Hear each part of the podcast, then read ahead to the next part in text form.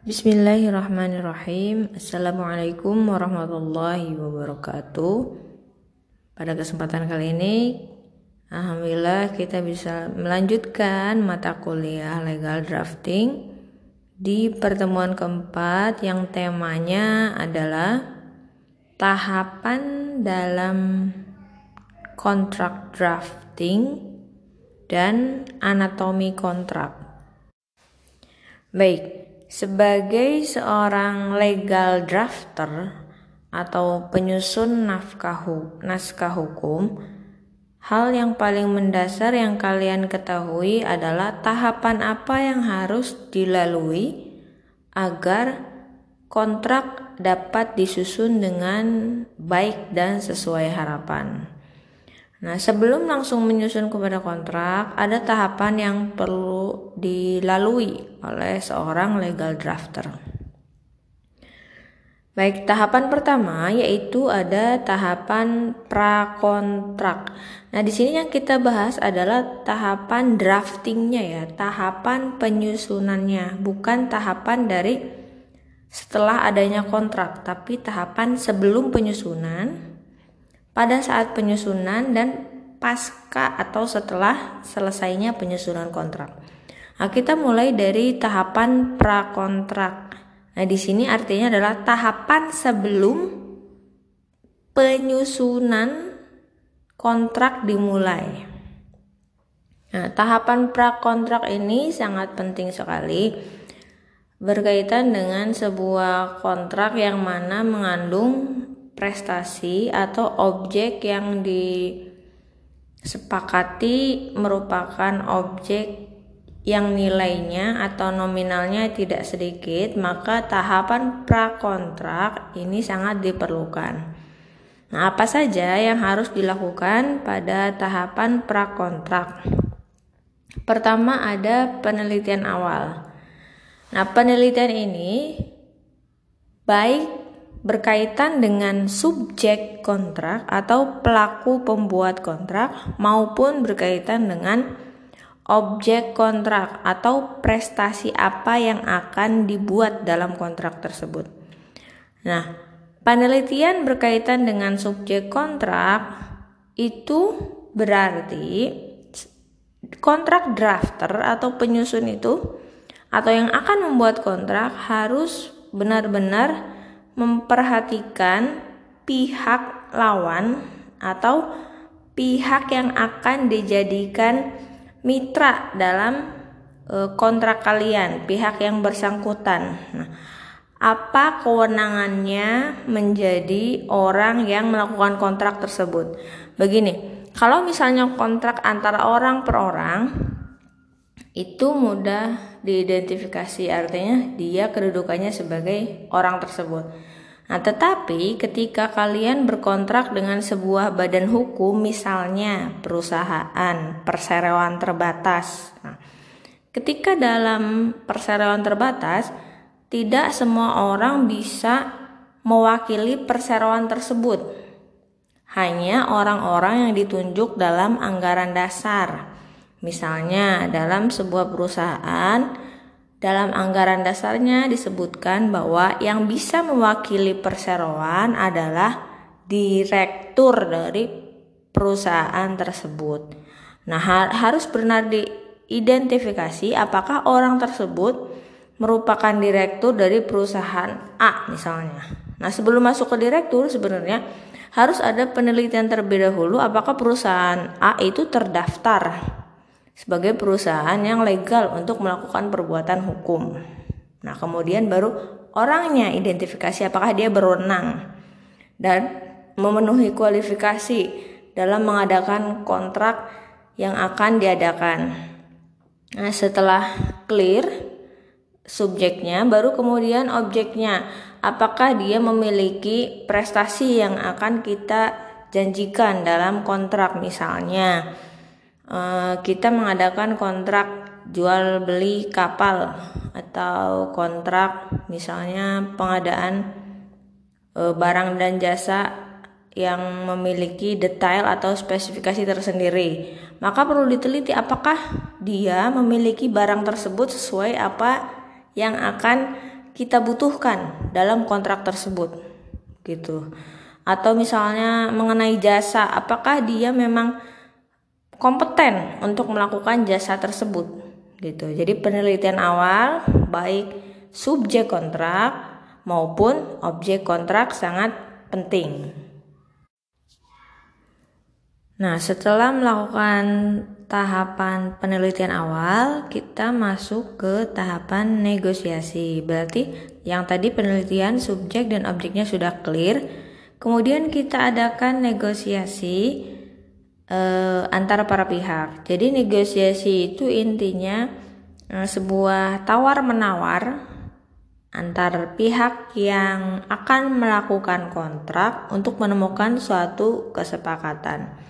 Nah, negosiasi ini sebenarnya tidak selalu ada dalam kontrak, terutama untuk misalnya e, transaksi bisnis yang nilainya tidak begitu besar atau memang transaksi tersebut tidak perlu ada negosiasi.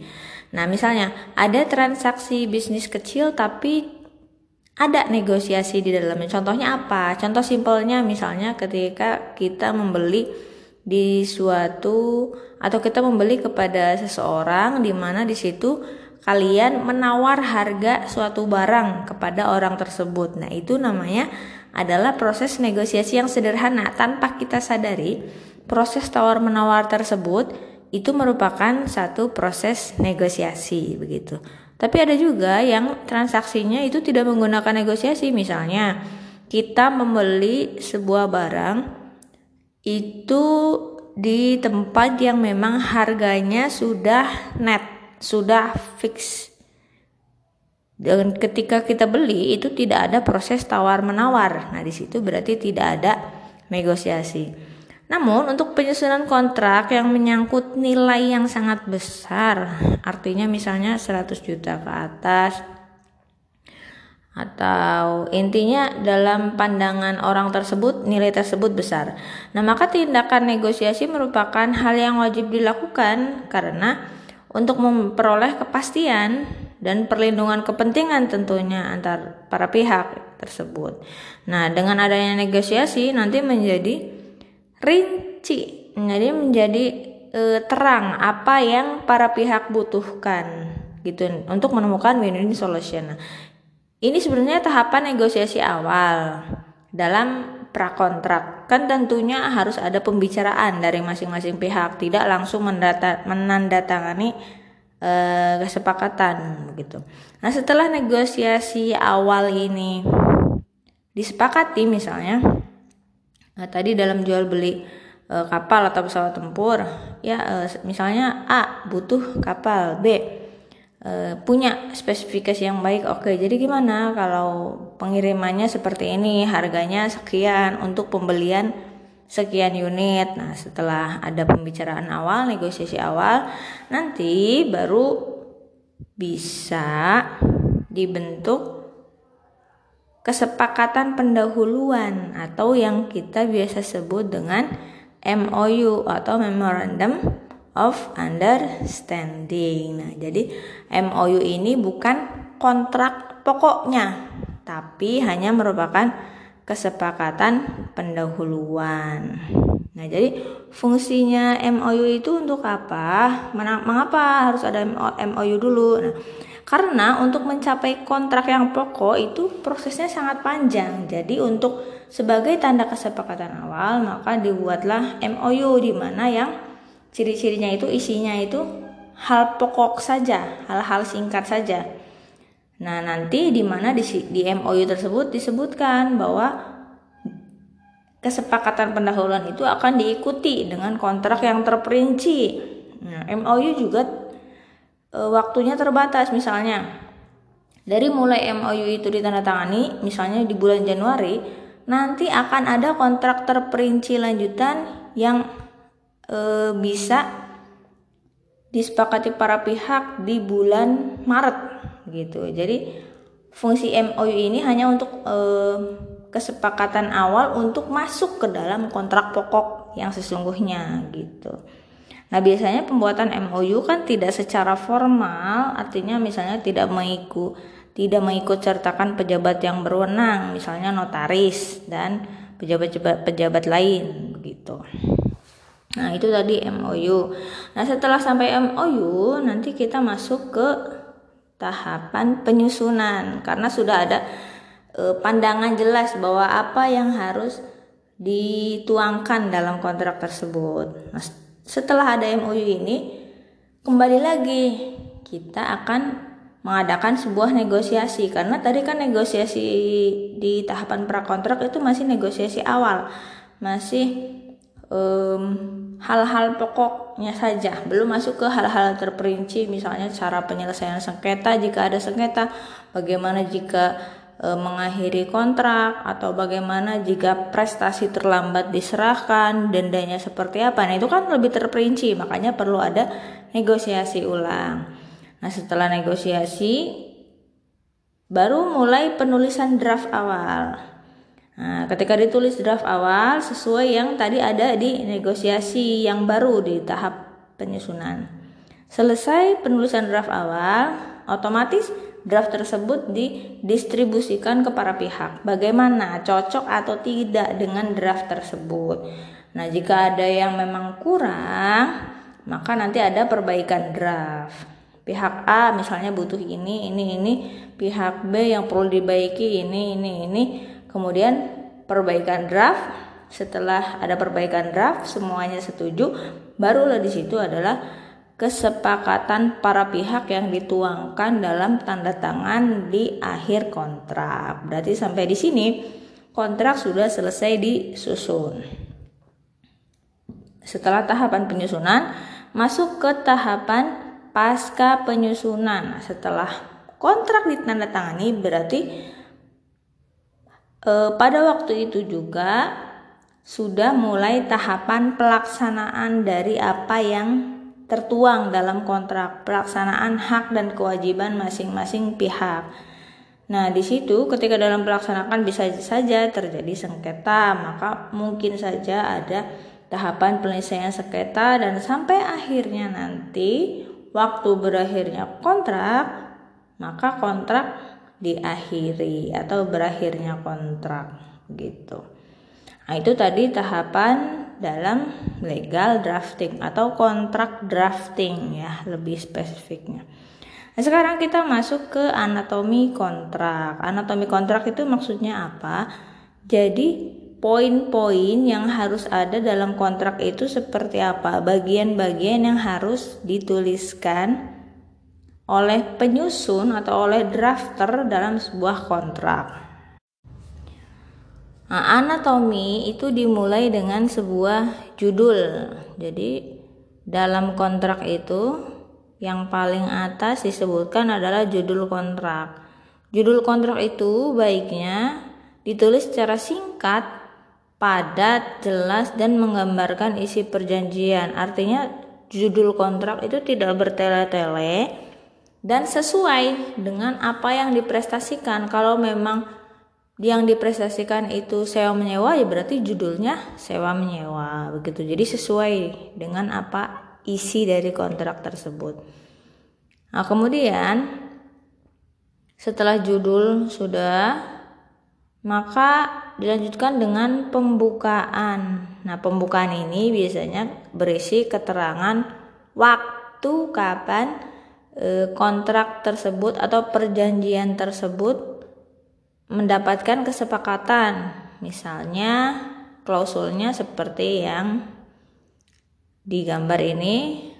Misalnya yang bertanda tangan di bawah ini atau atau langsung pada hari ini hari apa disebutkan tanggal sekian bulan sekian tahun sekian terjadi perjanjian antara A dan B misalnya atau misalnya perjanjian ini buat pada hari nah itu terserah klausulnya tergantung preferensi masing-masing mau seperti apa setelah pembukaan baru masuk ke identitas para pihak jadi siapa saja pihak-pihak yang bersangkutan dengan kontrak tersebut.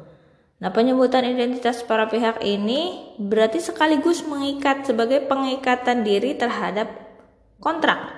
di mana sebuah perjanjian merupakan undang-undang bagi yang membuatnya. Nah, yang disebutkan identitasnya ini bisa saja bertindak untuk kepentingan sendiri atau mewakili kepentingan orang lain. Jadi dia hanya eh, yang diberi kuasa oleh orang yang bersangkutan. Contoh yang pertama itu bertindak untuk kepentingan sendiri. Klausulnya dapat seperti ini. Yang bertangan di bawah ini langsung disebutkan nama, pekerjaan, alamat. Uh, untuk beberapa instansi biasanya sering disebutkan uh, nomor identitasnya, misalnya KTP disebutkan. Selanjutnya disebut sebagai pihak keberapa atau misalnya selanjutnya disebutkan sebagai kreditor atau debitor begitu. Nah, bisa juga kontrak itu yang disebutkan identitasnya bertindak selaku wali. Wali ini bisa karena orang yang bersangkutan ini masih di bawah umur atau orang yang bersangkutan ini di bawah pengampuan. Klausulnya dapat seperti ini, yang bertanda tangan di bawah ini sebutkan. Kemudian dalam hal ini bertindak sebagai ibu dan wali menurut hukum dari dan oleh karenanya untuk dan atas nama anak di bawah umur misalnya bernama siapa? Selanjutnya disebut pihak pertama. Nah yang terakhir itu bertindak atas nama jabatan atau perusahaan atau diberi kuasa misalnya e, oleh seseorang misalnya pengacara untuk melakukan suatu hal atau kontraktor misalnya Nah, di sini maka disebutkan identitasnya, kemudian di bawah diberi keterangan dalam hal ini bertindak dalam jabatannya menurut dan berdasarkan pasal sekian sekian sekian dan anggaran dasar sekian misalnya eh, perusahaan ini yang ada di kota ini, kota A, B atau C. Nah, selanjutnya disebut sebagai pihak kedua. Itu dari uh, identitas para pihak. Nah, selanjutnya itu ada premis atau resital. Premis ini sering disebut sebagai pendahuluan. Bisa juga pernyataan awal atau latar belakang sebuah kontrak yang bersifat fakultatif. Nah, bersifat fakultatif ini artinya premis ini boleh e, tidak selalu ada. Jadi boleh ada, boleh tidak, tergantung e, keinginan para pihak. Premis ini dapat berupa ketentuan-ketentuan dokumen atau fakta yang mendasari sebuah perjanjian misalnya contohnya eh, berdasarkan undang-undang nomor sekian atau kemudian berdasarkan MOU yang diadakan pada tanggal sekian PTA dengan PTB maka ada perjanjian ini begitu. Jadi disebutkan e, dasar kenapa diadakannya kontrak pokok ini gitu. Selanjutnya juga menyebutkan kesepakatan para pihak Misalnya disebutkan seperti pada klausul berikut, jadi sepakat untuk mengikatkan diri dalam suatu perjanjian melakukan pekerjaan apa atau misalnya memberikan e, apa dalam kontrak perdagangan. Jadi ini bisa saja disebutkan dalam kontrak tapi bisa juga di skip. Jadi tidak ada premis pun tidak apa-apa gitu. Karena tanpa disebut sepakat untuk mengikatkan diri pun para pihak sudah terikat, sudah mengikatkan diri dengan menyebut identitas di kontrak tersebut gitu. Baru setelah itu kita masuk ke isi perjanjian. Jadi isi perjanjian itu isinya merupakan eh, hak-hak uh, dan kewajiban para pihak yang dirincikan secara mendetail agar dapat mengikat secara jelas apa-apa saja yang harus dilakukan dan didapat oleh para pihak. Nah, biasanya diuraikan dalam pasal-pasal. Nah, dalam pasal-pasalnya itu nanti diberi judul agar memudahkan para pihak untuk memahami isi kontrak tersebut. Nah, unsur-unsur isi perjanjian ini dibagi menjadi tiga unsur. Nah, unsur pertama ada unsur esensial ya, esensial dari namanya saja esensial. Berarti ini unsur yang harus ada dalam isi kontrak. Kenapa? Karena unsur esensialnya ini berkaitan dengan prestasi atau objek yang diperjanjikan. Misalnya, kalau jual beli berarti harus ada harganya berapa, barangnya apa, misalnya. Nah, itu kan berarti esensial harus ada. atau misalnya kalau suatu jasa berarti jasanya apa diberikannya dalam jangka waktu berapa lama dan berapa yang harus dibayarkan untuk jasa tersebut gitu. Harus jelas itu unsur esensial.